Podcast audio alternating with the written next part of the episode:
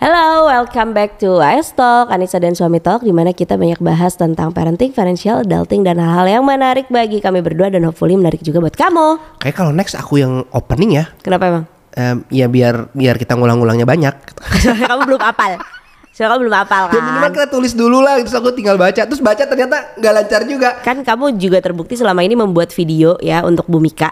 Apakah lancar? Sampai orang ada yang nanya aku, kakak JG tuh eh, bikin reelsnya pakai prompter ya? Cina soalnya kelihatan baca terus aku jawab, aku juga pakai prompter. Oh, tapi katanya kalau aku nggak kelihatan baca. Tapi aku punya kesulitan memang kalau membaca terus dikerasin. Kenapa ya? Kayak apa ya? Kayak ada kata kok katanya ketinggalan gitu. Ada yang Pertama Kenapa katanya ya? ketinggalan, kedua nadanya suka nggak pas sama akhir kalimat. Mhm. Jadi kayak eh kalimatnya tuh segimana, tapi terus kamu kayak tiba-tiba nggak pas gitu berhentinya tuh bukan di situ harusnya gitu. Huh. Padahal tuh kita pas nulis skripnya udah sesuai dengan bahasa kamu sebenarnya. Iya, eh, pemilihan katanya Ah, nggak pemilihan katanya. nggak yang oh ya pokoknya bahasa tutur lah ya, Ah, ah, yang memang kalau misalnya aku pakai tuh akan lebih biar lebih natural. Ah, Ternyata membaca aja. Tapi membaca juga tetap aja tidak natural. Sehingga pada akhirnya titik tuh nadanya tuh nggak nada titik gitu kan. Padahal tahu nggak kalau aku tuh sebenarnya tuh cita-cita itu pengen jadi artis loh. Untuk kecil atau kapan? Enggak sekarang-sekarang lah, pengen jadi artis yang bisa eh, apa ya terkenal bikin film. Tapi pas si artis-artis ini harus membaca, harus menghafal gitu kan. Bisa nggak sih aku menghafal? Ntar gitu, dulu, soalnya artis itu tuh banyak banget jalurnya. Hmm. Kalau nyanyi enggak sayang maaf mungkin ya. Oke, kalau Maaf nyanyi kalau kan ngecewain bukan kamu. bukan. Kalau nyanyi itu kan sebenarnya kita dulu tuh merasa bisa mungkin mungkin aja kalau kita les gitu ya. Tapi kita sudah mencoba les dan ternyata tetap tidak mungkin gitu ya. tetap ternyata eh tetap fals nih meskipun udah les 6 bulan gitu. Dan suka ki- lupa lirik, padahal udah ngapalin ya. Iya, liriknya suka salah gitu. Padahal itu lagu udah kita dengerin 5 juta kali gitu ya. Jadi kayak kayaknya sih buat yang jalur nyanyi kita eliminasi dulu ya. Nah, terus tapi mau jadi jalur apa? Lewat jalur apa mau jadi artis? FTV kali ya. Casting dong. Iya. Kurang ganteng kan tapi kan casting juga ada yang cuma belakang-belakangnya doang kan ya. cuma jadi tukang cilok doang, ya kan? Jadi security doang, ya kan? Jalur apa coba aku tanya? Jalur apa yang Iya, nggak tahu tuh jalur apa. Eh ya kan, apakah jalur stand up komedian? Apakah jalur Si baca aja ribet terus terus nulis sekarang kan kan tuh kekuatan dari stand up comedy itu kan nulis nulisan, kan, nulis aja writing nggak gitu. bisa. Ya nulis tuh bisa dia bisa dilatih, tapi pas eh, pengucapan, pas membawakan itu sih yang akan menjadi eh, banyak tantangan sih. Kamu tuh pingin popularitinya aja, Iya sih kayaknya itu. tapi kamu tidak mau usahanya. tidak mau usahanya. Ah, ya benar-benar. Ya, tapi speaking of cita-cita nih ya. Masih ada gak sih cita-cita kamu yang belum tercapai? Nih kamu, aku nanya sama kamu ya, kamu yang di rumah yang sedang mendengarkan ini. Coba pikirin deh, kamu masih ada gak sih cita-cita yang tercapai? Karena kita akan bahas cita-cita dari kita kecil sampai detik ini dan kita lihat apakah ada perubahannya. Hmm. Kamu dulu deh, waktu SD atau enggak bukan waktu SD, waktu pertama kali ingat punya cita-cita, apa cita-cita kamu dan itu umur berapa? Aku sih pengen cita-cita waktu kecil tuh abri, jadi abri. Karena Karena nggak tahu ya kan. abri banget ya kayak Abri. abri kan percakapan tahun 90-an banget pin jadi abri Karena waktu itu polisi sama tentara belum diga, belum berpisah kan. iya abri pokoknya Abri orang-orang mungkin kalau misalnya Gen, Gen Z atau misalnya yang sekarang baru kuliah nggak akan tahu tuh Abri itu apa. Ah. Abri itu adalah angkatan bersenjata Republik Republik, Indonesia. Indonesia. Nah itu Angkatan jadi di dalamnya ada tentara, ada polisi, ada TNI maksudnya ada polisi Ah. udah digabung di situ. Nah aku kenapa pingin banget? Karena gini nih waktu kita ini umur berapa dulu ini SD lah, Oke. SD dari TK ke SD gitu Iya. kan. Ini kenapa kayak Abri tuh jadi sosok yang wah buat aku? Karena kalau misalnya kamu ke mana-mana TV gitu, lihatnya Soeharto. Soeharto tuh siapa? Keren banget. jenderal Jenderal, jenderal apa? Abri gitu. Heeh. Jadi nggak banyak juga sih kita waktu zaman kecil. Aku mungkin ya, aku nggak banyak ngelihat Profesi kerja- lain. profesi pekerjaan yang memang keren dari Abri apa gitu. biasa kan pengen jadi pilot kalau anak cowok tuh pengen jadi pilot sih dan abri Dokter kali ya. bukan kalau pembelaan aku kenapa aku abri karena sekolah aku sebelahan sama komplek tentara Eh, Abri juga kali dulu. abri banget ya coy jadi kayak eh, teman-teman aku tuh banyak yang anak tentara gitu-gitu Oh jadi kayak iya, wajar bener. kalau cowok-cowoknya pengen jadi tentara Oh iya bener karena gang-gang gang rumah aku tuh deket banget dengan KPAD Sama kan. juga ya kamu Iya bener.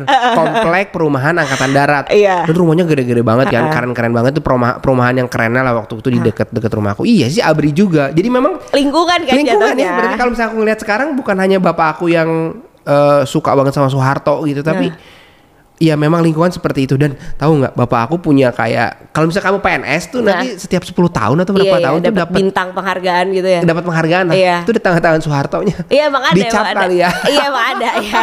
emang ada kan ya aku juga PNS ya. Tapi apakah ya aku menyimpannya aku nggak tahu juga sih. Cuman eh, cowok-cowok sih waktu SD itu pasti ada. Eh, Nggak tahu ya apakah itu juga berpengaruh pada SD aku sebelah eh, komplek Abri, kamu juga rumah kamu deket KPAD gitu.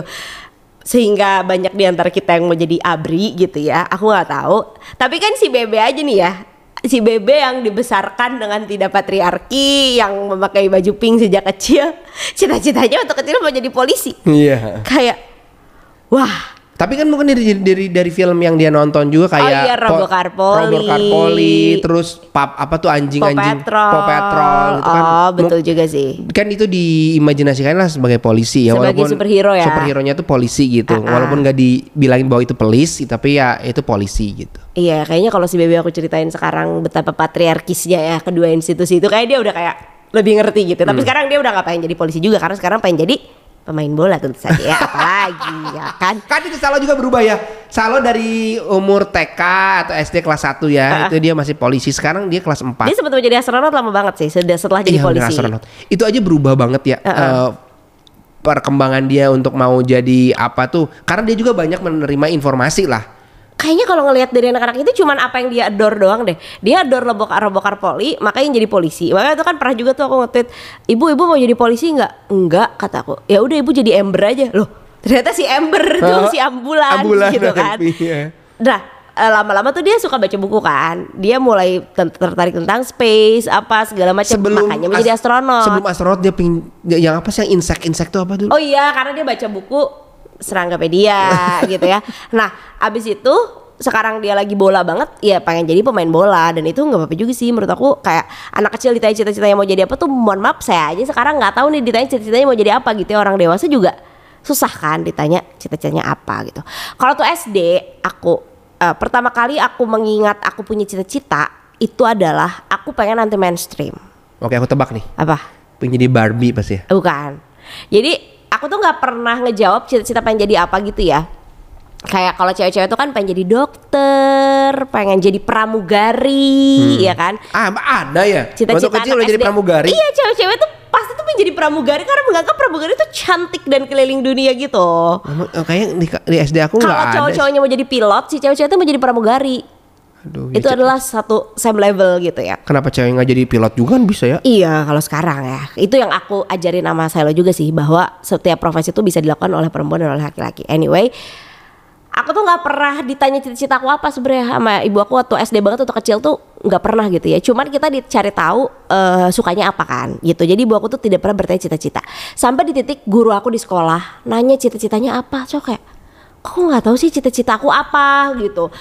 Itu kayak kelas 2 apa kelas 3 gitu. Setiap anak tuh ditanya, tahu nggak apa yang aku lakukan ya? Me being me adalah aku mau anti mainstream aja. Aku akan menyebutkan satu cita-cita yang nggak disebutkan nama satu profesi yang nggak disebutkan sama teman-teman aku sekelas biar beda aja, gitu kan.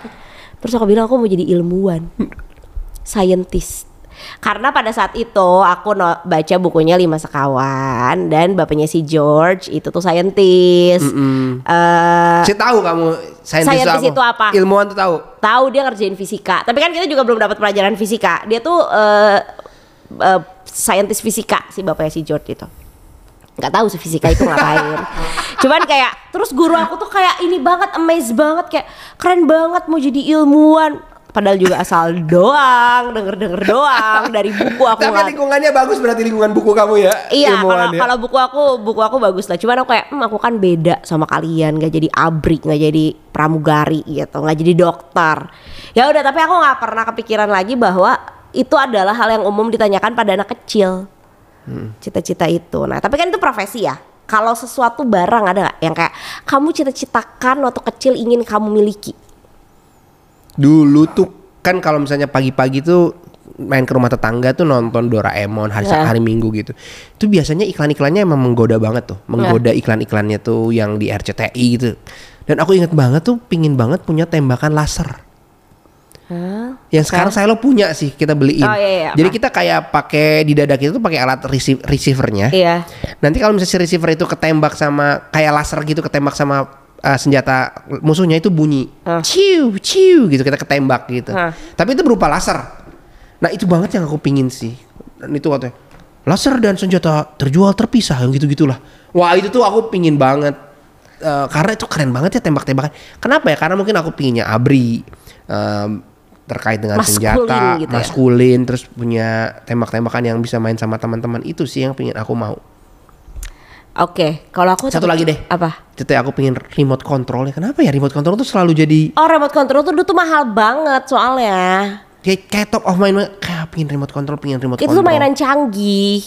Ya kan? Dan itu mahal banget. Dan kebetulan di KPAD itu ada yang punya. Oh, jadi kamu ngelihat dia main. Dia lihat main dan remote controlnya yang udah nggak pakai baterai. Mungkin Ah. baterai baru zaman-zaman sekarang karena baterai lebih murah. Dia pakai bensin. Bukan bensin sih kayak kalau sekarang aku tahu itu pakai alkohol gitu lah. Ah, ah, ah. Spiritus kali. Spiritus mungkin Ah, atau wang wang wang itu ke- asap berasap keren banget dia bisa loncat-loncat. itu sih aku pingin banget RC RC dan senjata laser itu. Kalau tuh kalau aku waktu kecil tuh nggak minta apa-apa kayak kata ibu aku. Ya aku juga nggak minta sih, tapi pingin Oh, kan. pingin. Tapi kamu nggak minta sama, karena aku tahu ke, eh, level ekonomi aku di mana ya. Jadi aku nggak pernah kayak tau lah aku batasan aku tuh sampai mana. Jadi aku nggak minta sih, cuma pingin aja. Oh, kalau aku kan minta, kalau pengen sesuatu tuh aku minta. Tapi aku tuh nggak minta apa-apa kata ibu aku sampai adik-adik aku lahir. Adik-adik aku lahir kok mereka pada tahu ya kalau mereka tuh ingin sesuatu gitu. Kayak misalnya nih adik aku yang pertama lahir umur berapa? Kan dia cuma beda tiga tahun kan sama aku. Kayaknya misalnya umur 4 tahun gitu berarti aku umur 7 tahun. 5 tahun dia 5 tahun. Berarti aku umur 8 tahun. Tuh dia minta otopet. Terus aku mikir kayak kok waktu aku umur segitu aku gak minta otopet gitu kan. Nah tapi kan pemikiran anak 8 tahun tidak nyampe ke sana. Yang aku komplain ke ibu aku lah, kok aku nggak dibeliin sih waktu kecil? Gitu. Terus kata ibu aku, kamu nggak minta. Eh, dan itu tuh ibu aku tuh mengulangnya terus menerus loh bahwa kamu tuh nggak minta, kamu tuh nggak minta. Oh, aku tuh nggak minta ya. Eh, sampai pas gede, eh, adik aku yang satunya lagi kan beda tujuh tahun sama aku. Dia tuh barang-barangnya tuh bagus-bagus banget kan. Udah mainnya tuh udah Barbie, Barbie beneran ya. Udah ada trans TSM soalnya. Eh, TSM itu mengubah pola perbelanjaan orang Bandung. BSM ya, Bandung Supermall dulu ya sebelum jadi TSM. Bukan terus Ah, Karena sebelum ada BSM itu tuh kayak nggak ada kid station gitu loh. Kayak eh, brand-brand Jakarta tuh baru masuk ke Bandung tuh setelah ada Bandung Supermall. Di BIP nggak ada ya? Nggak ada di BIP tuh nggak ada. Di BIP tuh kan adanya lokal-lokal gitu kan. Eh toko mainan apa ya di BIP kayak ada tau saya Aras dulu ya. Aku lupa. Cuman jauh banget gitu. Emang terus asa ada masuk Indonesia? Pernah di Indonesia Toys R Us itu. Wah, Tapi tutup. tahu. Oh gitu ya? Nah, tapi di BIP tuh kan banyakannya juga Aduh kayaknya enggak itu deh, enggak enggak se wah BSM pas BSM. BIP tuh aku nggak tahu. Pas BSM masuk itu mulai masuk tuh kid station gitu-gitu. Jadi adik aku tuh kayak eh beli Barbie, beli apa. Terus aku komplain lagi dong sama ibu aku kayak kenapa sih aku nggak pernah dibeliin Barbie? Gitu. Ya kamu nggak minta. Jawaban ibu aku tuh selalu kamu nggak minta, kamu nggak minta. Termasuk pas adik aku minta balet, terus dia jadi les balet segala macam. Kenapa aku nggak balet? Ya karena kamu nggak minta. Hah, apakah aku tumbuh besar tanpa keinginan gitu ya? Kok aku nggak tahu sih kalau anak kecil tuh bisa balet gitu? kenapa adik aku tahu gitu padahal aksesnya juga sama cuma sama baca majalah bobo doang tapi aku nggak ke sana mungkin kalau direfleksi sekarang ya mungkin karena aku tuh suka membaca buku aja sehingga hanya dibelikan buku saja aku sudah happy gitu kayaknya kayaknya ya kalau aku lihat-lihat sekarang ya Tapi kalau misalnya ngeliat adik kamu gitu, nggak yang- terus suka baca kan Nggak terus suka baca dia. Iya. Ah. Jadi adik-adik aku yang dua ini tuh nggak terus suka baca. Mereka baca minjemin buku aku doang.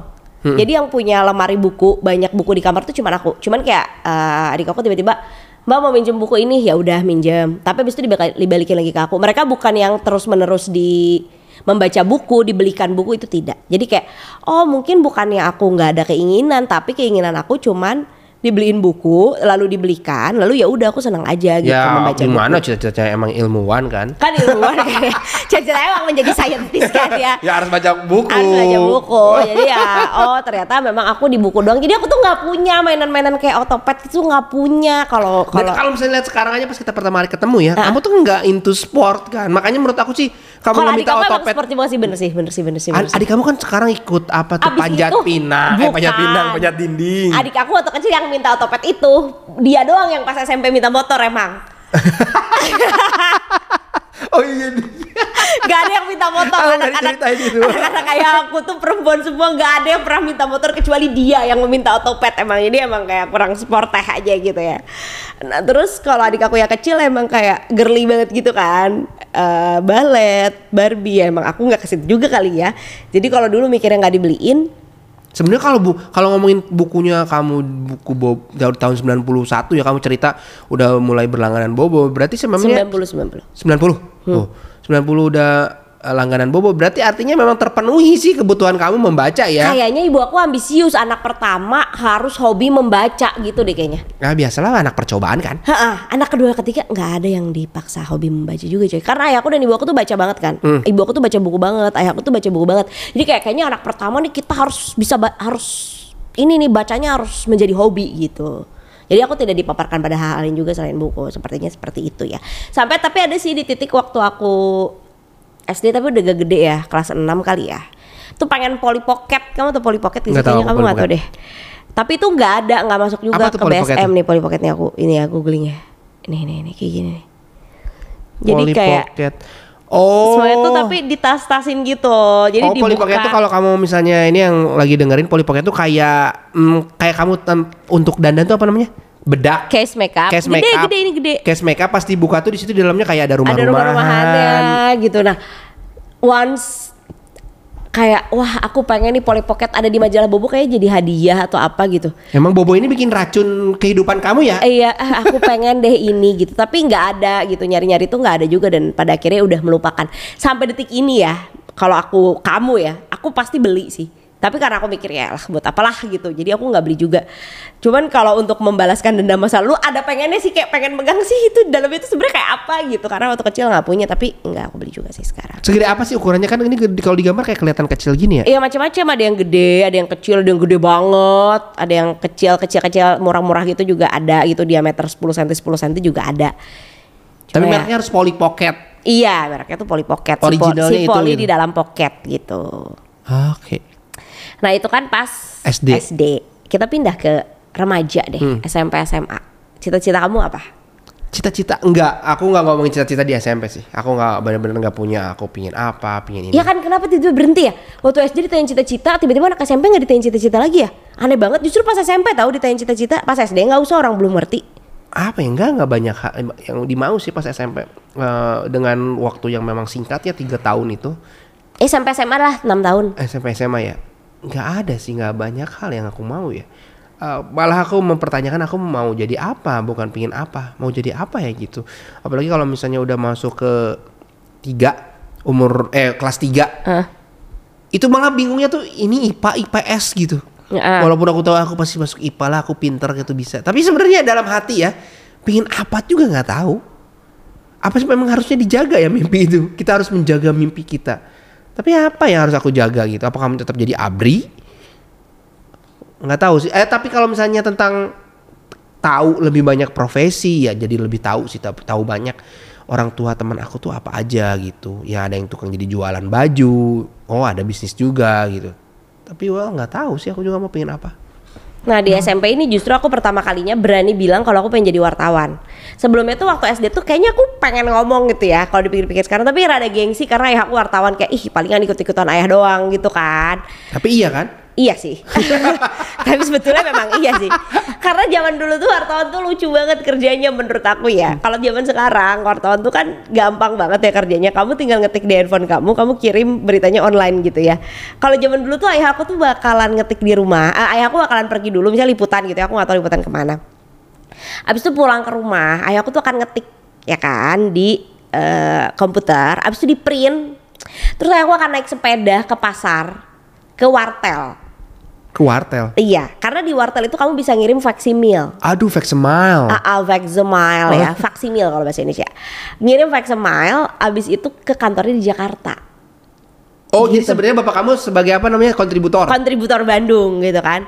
Itu tuh menurut aku tuh lucu banget dan pasar deket rumahku tuh pernah kebakaran. Terus kayak in the middle of the night, ayah aku bangunin aku, mbak mbak pasar kebakaran mau ikut nggak liputan gitu. kamu udah jadi liputan dan itu bener-bener aku diajak aku anak kecil ya. Kayaknya aku tapi aku udah SMP sih. Karena aku udah itu aku udah bilang aku mau jadi wartawan. Jadi kejadiannya adalah ada satu eh, kan pasar tuh nggak ada nggak banyak orang yang tinggal di pasarnya dong.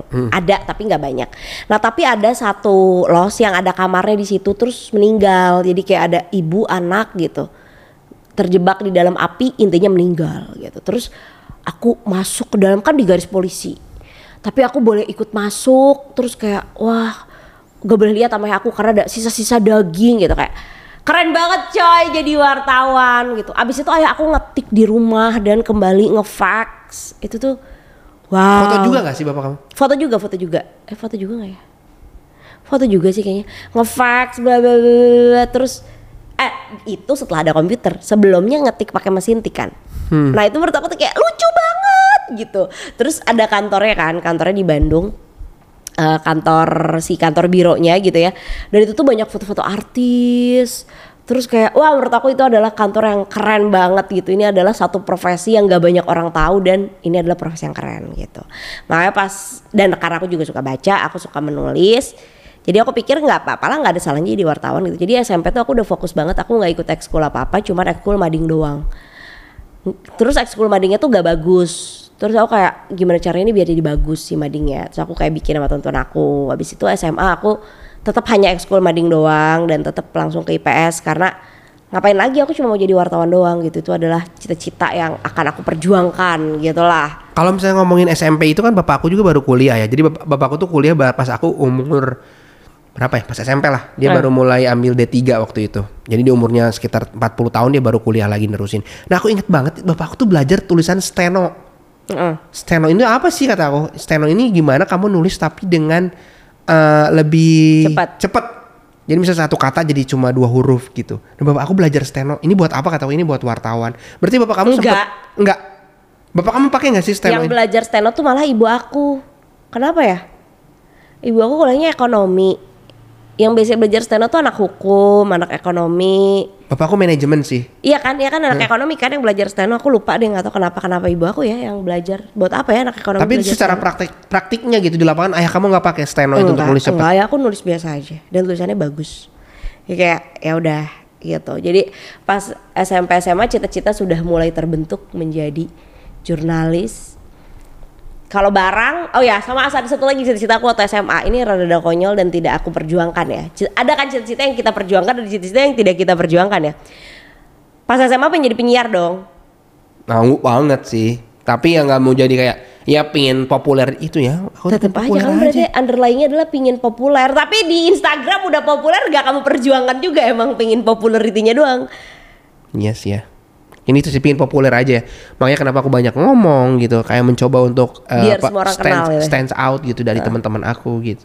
Dan kenapa aku belajar catur waktu SMP aku pernah belajar catur biar menang catur karena nggak ada banyak yang bisa catur.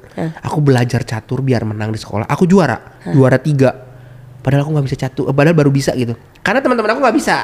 Aku doang yang ya lumayan menang juara gitu. Jadi aku pengen jadi Pingin penyiar stand waktu aja ya? SMA karena memang radio itu hype banget ya zaman itu ya. Tapi itu bukan sesuatu yang aku perjuangkan. Even aku nggak ikutan audisi apa pun, nggak casting apa pun, nggak nggak apply apa pun, nggak ikutan kan zaman dulu ada radio sekolah. apa Kalau di kalau di. Bandung tuh old school school, keren banget tuh. Old- Old school school. Cool to school ya kalau Cool to school ya? Cool school nggak salah. Eh school school. Ya pokoknya gitulah ada Ka- karena kemarin aku ngobrol sama si Aldo Nyakis FM. Karena kalau di Jakarta itu radio tuh beneran cuma Prambors doang. Everyone tuh dengerinnya hanya Prambors aja. Gak ada radio lain yang segede gitu juga.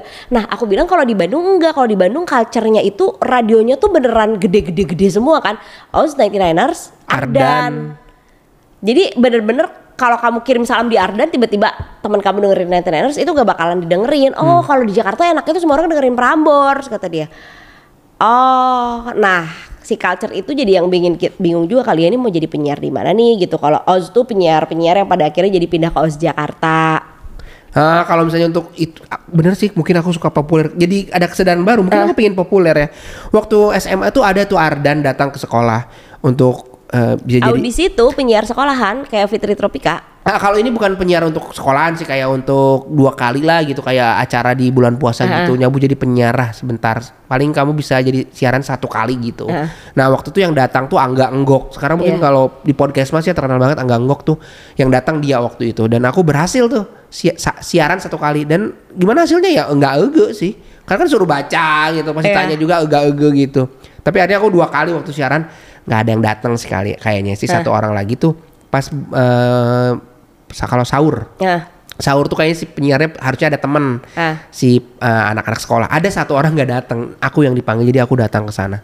Dan itu iya sih mungkin aku suka jadi terkenal ya jadi pusat perhatian. Itu yang aku seneng dan paling seneng puncaknya adalah aku dapat undangan ke itu pertama kali aku ke diskotik eh Edan. diskotik ya karena aku nggak tahu kayak gimana diskotik tuh apa pas SMA aku datang pakai sendal dong aku Ah. ke diskotik namanya eh, wa, wa, West apa gitu ya di Ciamplas gitu Ah. aku ke sana nggak boleh masuk maaf harus pakai sendal balik lagi dong aku ke rumah pakai sendal aku datang ke situ eh, dapat free minum Ah. aku pesan Coca Cola oh ternyata gitu ya diskotik seru ya gitu ada aku inget banget Shanti yang datang Ah. oh kasih ya itu nah itu diskotik tuh bahasa tahun Diskotik ya? 90 juga ya. Kelab, kelab. kelab ya nah itu ya jadi pengen terkenal aja terus dia makanya terus aku ceritain di sekolah oh iya aku kemarin ket- ketemu Santi gitu kayak padahal Edan. aku di, padahal aku di mana jauh Santi di depan Ningali unggul ningali padahal. unggul dan aku juga harus pulang dulu harus pakai sepatu kan Ah. Nah kayak gitu sih itu yang ya pingin terkenal berarti ya kalau misalnya sekarang aku tanya ditanya Apakah kamu eh, ingin popularity karena kamu merasa tidak diperhatikan di rumah? Hmm, mungkin. Tapi kalau diperhatiin ya, diperhatiin jenis apa sih? Oh, mungkin ada rasa di dalam diri tuh nggak layak ya, Heeh. merasa nggak layak itu. Ada rasa ketidakberhargaan, makanya pingin banget sih jadi populer gitu. Tapi buat apa ya? Usahanya nggak ada, tapi populernya pingin Iya. gitu ya. Kalau aku tuh jadi penyiar itu adalah sesuatu yang tidak pernah aku usahakan dan kemarin sempet siaran tiga hari ternyata aku gak suka-suka amat. aku mau postingin dia di Instagram. Karena sebenarnya aku tuh suka ngomong, suka sharing, suka cerita dan jadi penyiar tuh nggak sharing-sharing amat tahu orang cuman ngomong tiga kalimat habis itu lagu, lima kalimat habis itu lagu kayak ah aku ternyata gak suka, aku lebih suka podcast aja kayak gini. Tapi ya emang dari awal juga bukan pengen jadi penyiar tuh pengen pengen nyoba lah at least setahun gitu misalnya jadi penyiar gitu ya habis itu udah cuman biar pernah doang cuman ternyata ya enggak juga nggak apa-apa gitu kalau sekarang ya setelah mencoba Oh ternyata kamu suka ngomong tapi ngomongnya banyak. Soalnya kalau Pengen kamu cerita, bilang pengen cerita. pengen cerita. Kalau di radio kan paling cuma tiga menit, eh tiga menit, tiga menit kali Iya. ya. Udah gitu dari lagu lagi, terus iya lagu-lagu lagu lagi. kuat gitu jadi aku pengen jadi bintang tamu podcast orang gitu gitu aja aku lebih suka tuh kayak gitu Jadi Kobuzer tolong ini diundang dari Kobuzer di close the Boleh. door. Dan satu lagi cita-cita tuh SMA pingin eh, nikah pakai dress kayak Han Ji Eun Full House Aduh nggak nonton eh. Jadi dress wedding dressnya itu pendek nih aku googlingin ya Han Oh, Ji bukan Eun. rok panjang. Bukan, itu menurut aku kayak Han Ji Eun wedding dress. Jadi roknya tuh selutut, terus itu kayak lucu banget. Nah ini dia, nih oh lucu my banget. goodness, iya Roknya tuh bener. bener-bener dia, di- karena dia pendek kan, jadi kayak roknya nggak panjang segala macam. Tapi itu kan wedding ya. Setelah itu, setelah lewat era Han Ji Eun, aku nggak punya lagi wedding dream. Kayak nggak, bodo amat lah yang penting nikah gitu. Nggak, nggak, nggak, nggak lagi mikirin wedding dream, wedding dream. Tapi itu mungkin pas zaman-zaman kamu juga beranjak dewasa ya. Beranjak Baru. dewasa. Makanya terus kamu nonton itu jadi kayak oh wedding dream aku ini pas Ah, banget ah. tuh. secara hormon, secara waktunya tuh pas gitu Eh, sih. Iya, begitu dewasa kayak ah bodo amat gitu kan. Nggak, nggak ada wedding dream, wedding dream. Ya, bahkan set- eh, pas kita tunangan aja kamu hamin satunya kita masih di Nonton Jakarta. konser. Konser. Bahkan aku nggak lihat bajunya kayak apa bodo amat lah dibikinin ibu aku ya udah aku pakai aja aku nggak peduli peduli banget Eh, barang banyak banget nih kita baru nyampe remaja ini udah berapa menit Aku bareng sih banyak sih ya, pingin motor sih udah. kalau Motor, remaja motor. malah banyak banget ya motor, pingin motor terus pingin mainan itu makanya kenapa aku sekarang banyak beli mainan? Ah. kaset juga gitu. Ah. ada kaset yang memang waktu itu kok nggak nggak kebeli ya kaset? gitu. Ya akhirnya aku sekarang punya sih. Barang-barang bekas gitu yang eh tapi kayak itu dendam waktu itu ya. Kalau aku waktu remaja nggak pengen apa apa karena waktu remaja itu apa yang aku mau dikasih sama ayah aku. Nggak eh, modal ngabek-ngabek dikit. Kayaknya ayah aku nggak tahan mendengar eh, anak remaja nangis. nangis ngabek. Tantrum nggak? Kamu sampai tantrum nggak Waktu remaja Hmm. ngambek lah sama aku nggak diwarok aku nggak ngawarok ayah aku gitu. Atau enggak pulang sekolah main dulu tapi nggak bilang biar dibeliin handphone gitu. Dibeliin sih pada akhirnya. Jadi ayah aku cukup kalah lah sama aku waktu remaja. Jadi aku pengen apa pun tuh dibeliin. Di titik kalau adik-adik aku pengen apa pun bilangnya sama aku aku yang mintain gitu. Dibeliin sesederhana tuh dulu. Negosiator kamu? Hah? Negosiator. Lebih ke ngotot aja sih mintanya. Ya pengen handphone dibeliin, pengen sepatu yang lagi hits apa dibeliin, pengen tas apa dibeliin. Jadi kayak waktu remaja enggak. Oh, pengen ini sih, pengen Nokia 3650 yang bawahnya lengkung. Yang si keypadnya tuh yang bawahnya bulat, terus si keypadnya melengkung, tapi sama nggak dibeliin. Karena kayak ah buat apa gitu. Ini juga HP-nya masih bagus bla bla bla bla. Tapi akhirnya dibeliin 6600 pas kuliah. Jadi kayak ya udah lebih bagus ya kan. 600 6500 tuh itu keren banget tuh. Sampai ada filmnya kalau mungkin kamu pernah tahu nggak filmnya? Film tentang Nokia 6600. Enggak emang ada. Ada judulnya tuh Fonsel kalau cell phone lupa lah. Dan itu tuh 6600 gimana 6600 membantu membantu orang untuk menyelamatkan orang. karena dia udah kayak pakai ki apa di tengahnya tuh udah tak gitu loh. Iya, Eh, terus jadi ada joy. bisa video juga kan, bisa, Bisa foto, foto. bisa Nah, video. itu, tuh. Ada Itu filmnya tuh. Jadi aku lompat dari Nokia 3310 selama SMA pas kuliah langsung dibeliin 6500. Jadi aku nggak ada nggak ada kepengenan apa yang pengen banget tuh nggak nggak terlalu ada sih. Pas kuliah cita-cita masih punya cita-cita? Kamu kalau awal udah jelas ya aku kuliah jurnalistik, aku mau jadi jurnalis. Kamu pas kuliah kuliah telekomunikasi mau jadi apa? Mau lulus aja Mau sih. cepet cari kerja? Mau lulus cari kerja nggak mau Punya uang. Have no idea sih pingin apa nggak cuma punya duit aja yang banyak udah gitu. Goalsnya aku tuh jelas banget sih. Goals aku pas SMP tuh satu aku pingin punya mobil eh SMA. Pingin punya mobil sport, Heeh. sports car dua pintu. Iya. Terus aku pingin punya rumah. Terus aku pingin punya motor yang kebut. Iya. Udah gitu aja tiga itu yang aku selalu impikan di SMA. Tahunya kejadian dong pas aku uh, setelah kerja satu tahun. Aha. Kerja satu tahun aku punya mobil sports car, Iya. sure. Tapi lupa nggak nggak detail mimpinya. Ah. Uh, mobil tahun 80 Iya, Civic apa-apa. Wonder dua pintu bener warnanya Iya. merah bener mimpi. Mogok nggak ada AC. nggak ada AC Heeh. tapi lupa kalau harus baru waktu itu di mimpinya terus Eh tapi itu tapi fun fact Civic Wonder tuh mobil ayah aku waktu aku SD. Jadi kayak gak sih? Jadi aku mungkin bekas pakai ibu eh, eh, bapak kamu kali ya. Iya tapi merahnya tuh merah cabai kalau yang punya aku. Kalau kamu kan merahnya merah Merah, marun. mm, Iya merah marun. Ah, ah, kalau punya aku merah cabai. Pingin motor kebut, akhirnya dapat tuh motor yang motor bebek terkencang saat itu ya, Ah. Honda. Saya eh Honda lagi Suzuki Satria FU. Ah, Terus satu lagi, oh ya rumah lupa aku, pingin punya rumah. No matter what aku pingin punya rumah setelah kerja gitu. Ah, Eh bener, setahun itu eh, apa yang aku impikan di SMA dapat semua sih.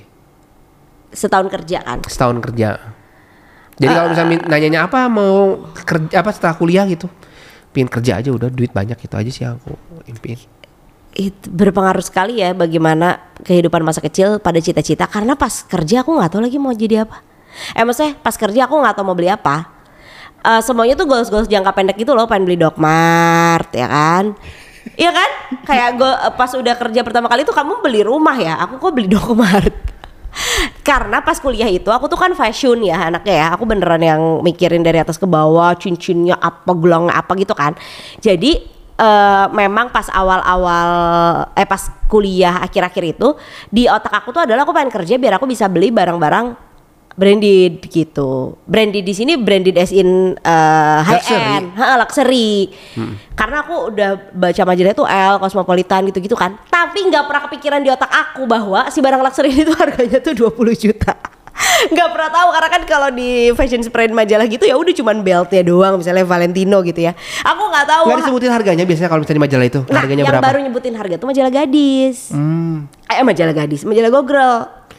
Tapi Google high, high end juga barang-barangnya ya. Enggak, tapi untuk ukuran remaja sepatunya Dokmar berapa juta Hmm. gitu.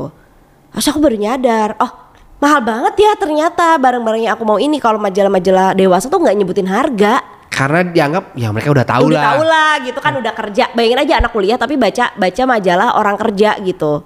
Nggak Iya tahu so aku kayak wah gila banget ya. Valentino udah tahu berarti kamu Valentino. Atau aku tuh aku tuh hafal brand banget dari dulu. Hmm. Nah, tapi pas awal kerja wah gaji UMR kayaknya ini jauh ke mana-mana ya. Aduh. Kayaknya nggak bisa Walaupun nih. kerjanya di Jakarta Selatan tapi di Buncit bos, bukan iya, di bukan di SCBD. SCBD gitu kan. Jadi kayak ya nggak bisa lagi gitu. Jadi pas kuliah itu eh, pas kerja pertama itu fokus aku adalah ya udah eh, kerja kerjanya seru banget juga kan dan pada akhirnya gimana caranya dulu pengen jadi editor in chief kan pokoknya aku harus menjadi pemret gitu pada saat itu ya yang mana baru pindah kerja satu kali aja udah nggak pengen tuh jadi pemret. Baru pindah kerja sekali aja nggak usah deh aku nggak usah di redaksi lagi capek banget. Ya Allah ya Robi ngurusin berita-berita ring satu gitu ya kayak sekarang nih. Kita mah cuma dengerin berita politik tuh dari setelah muncul di media. Kalau dulu kan udah banyak sasusnya kalau kerja di media. Eh dia tuh udah ini tahu dia tuh udah ini tahu tapi belum boleh naik belum boleh naik. Itu tuh wah aku kayak kayak aku nggak mau deh kerja di eh, redaksi lagi gitu Dan aku juga inget banget waktu pas kamu di redaksi ya dulu di, di tentang entertainment. Nah. Eh ada berita ini terus kamu tuh enggak kok itu settingan aku tahu itu settingan. Kayak kamu tuh tahu cerita-cerita di belakangnya Iya gitu di ya. belakangnya tuh ketahuan sama kita kadang-kadang tuh si wartawan udah tahu settingan nggak boleh dipublish kan itu tetap nggak boleh publish Jadi kamu juga kepikiran sebenarnya banyak juga pikiranan ya. banyak pikiranan jadi asa tegudu gitu nah tapi ternyata setelah dijalani sampai detik ini ya aku tuh emang ter- eh, merasa hidup aku tuh terplan. Tapi sebenarnya aku tuh nggak masalah kalau plannya nggak tercapai atau membuat plan baru. Contoh oh iya aku planning banget nih eh, mau jadi editor in chief. Tapi begitu di tengah jalan ah nggak deh nggak jadi nggak jadi juga nggak apa-apa gitu. Tapi itu aku baru aku sadari sekarang ya setelah aku ambil CFP tiba-tiba ambil CFP ah abis itu jadi financial planner abis itu resign dari kerjaan nggak kerja di media ternyata nggak apa-apa juga gitu. Jadi kalau sekarang ditanya plan kamu apa cita-cita kamu apa nggak tahu gitu kan. Makanya kalau kita lihat plan dan cita-cita kita hanyalah berupa nominal berupa barang berupa hal yang ya udah yang penting kita mencapai titik itu aja gitu. Supaya kita mau kerja apa pun kita nyampe di titik itu itu juga gitu. jadi lebih apa ya jadi lebih menerima hal-hal baru. Karena goalsnya tuh bukan aku menjadi apa tapi aku ingin apa. Iya ingin apa gitu. Dan ternyata setelah eh, apa seiring berjalannya waktu banyak juga yang berubah gitu. Kayak pengen tas Hermes gitu ya kayaknya tuh itu adalah simbol sukses dan aku masih melihat banyak orang yang mengaitkan simbol sukses dengan udah bawa Hermes, Hermes. bag gitu Hermes yang jenis apa tuh Iya macam-macam Ma- Hermes apa pun juga kan jatuhnya mahal banget ya mau kamu mau walaupun yang enggak terkenal ya Iya, maksudnya maksudnya bukan, bukan yang Birkin, bukan Wah. Kelly gitu ya. Tetap aja dah nggak ada yang harganya 20 juta gitu kan. Tetap aja tuh simbol kesuksesan gitu. Tapi ternyata pas udah di sini, eh, kayaknya nggak punya juga nggak apa-apa ya gitu. Bukan karena mahalnya lagi, tapi karena kayaknya nggak punya itu juga aku merasa sukses-sukses aja gitu. jadi bagaimana kamu ngelihat diri kamu sendiri ya? Eh, bukan eh, ah, iya sih. bukan bukan lewat barang lagi gitu. Bukan jadi oh aku udah sukses. Dan dan semua orang pasti narasinya seragam. Ini tuh quality banget suka Hermes tuh karena kualitinya bagus bla bla bla bla bla bla bla. Tapi tetap dipamer-pamerin tetap diposting-posting gitu. Menurut aku kayak kayaknya aku nggak ke situ deh. Aku nggak melihat eh, suksesku dalam bentuk barang lagi gitu. Ya udah nggak apa-apa mampu beli ya beli aja kalian nggak apa-apa gitu. Tapi kalau aku kayaknya udah nggak nggak mengejar lagi ke sana gitu. Ternyata itu. Padahal dulu sebelumnya kan pokoknya pengen punya tas ini ini ini. Ada masih ada tas-tas apa yang sebenarnya sekarang kamu udah ngeras eh, udah mampu untuk membeli itu? Ya well mampu lah kalau untuk membeli misalnya. Tapi kamu kayak pas mampu tuh kok perasaannya seperti itu? Gimana sih Enggak ternyata misalnya nih yang nggak Hermes banget ya. Misalnya habis beli tas harganya berapa gitu ya Mahal lah gitu. Si perasaannya teh iya senang da, Tapi nggak yang bertahan ber bulan-bulan nggak jadi tiap bawa tas itu aku jadi merasa keren aku jadi merasa harus dihormati orang ternyata nggak begitu juga. Ya sama aja aku tetap aku gitu. Orang mau nggak sopan sama aku tetap bisa juga gitu kan ya nggak jadi nggak jadi mengaitkan bahwa aku jadi harus dihormati dengan apa yang aku punya gitu. Hmm, bener-bener oke. Da- dan nggak mendefinisikan lagi kaya dengan punya barang-barang itu gitu. Ya yang punya barang-barang itu pasti kaya lah ya masa nggak kaya kan bisa beli. Tapi juga yang nggak punya barang-barang itu belum tentu nggak kaya gitu. Oh, makin bijak ya setelah prefrontal cortex kita sempurna ya setelah kalau dulu nih dengar orang umur 35 ngomong kayak gini pas kita umur 20 bacot ayang Enggak dong, bener dong itu simbol kesuksesan dong. Iya, Emang kamu juga udah sosok kerja, masa nggak boleh beli gitu kan. Kalau sekarang kayak ya udahlah, yang penting hidup gini tenang, nyaman, gitu.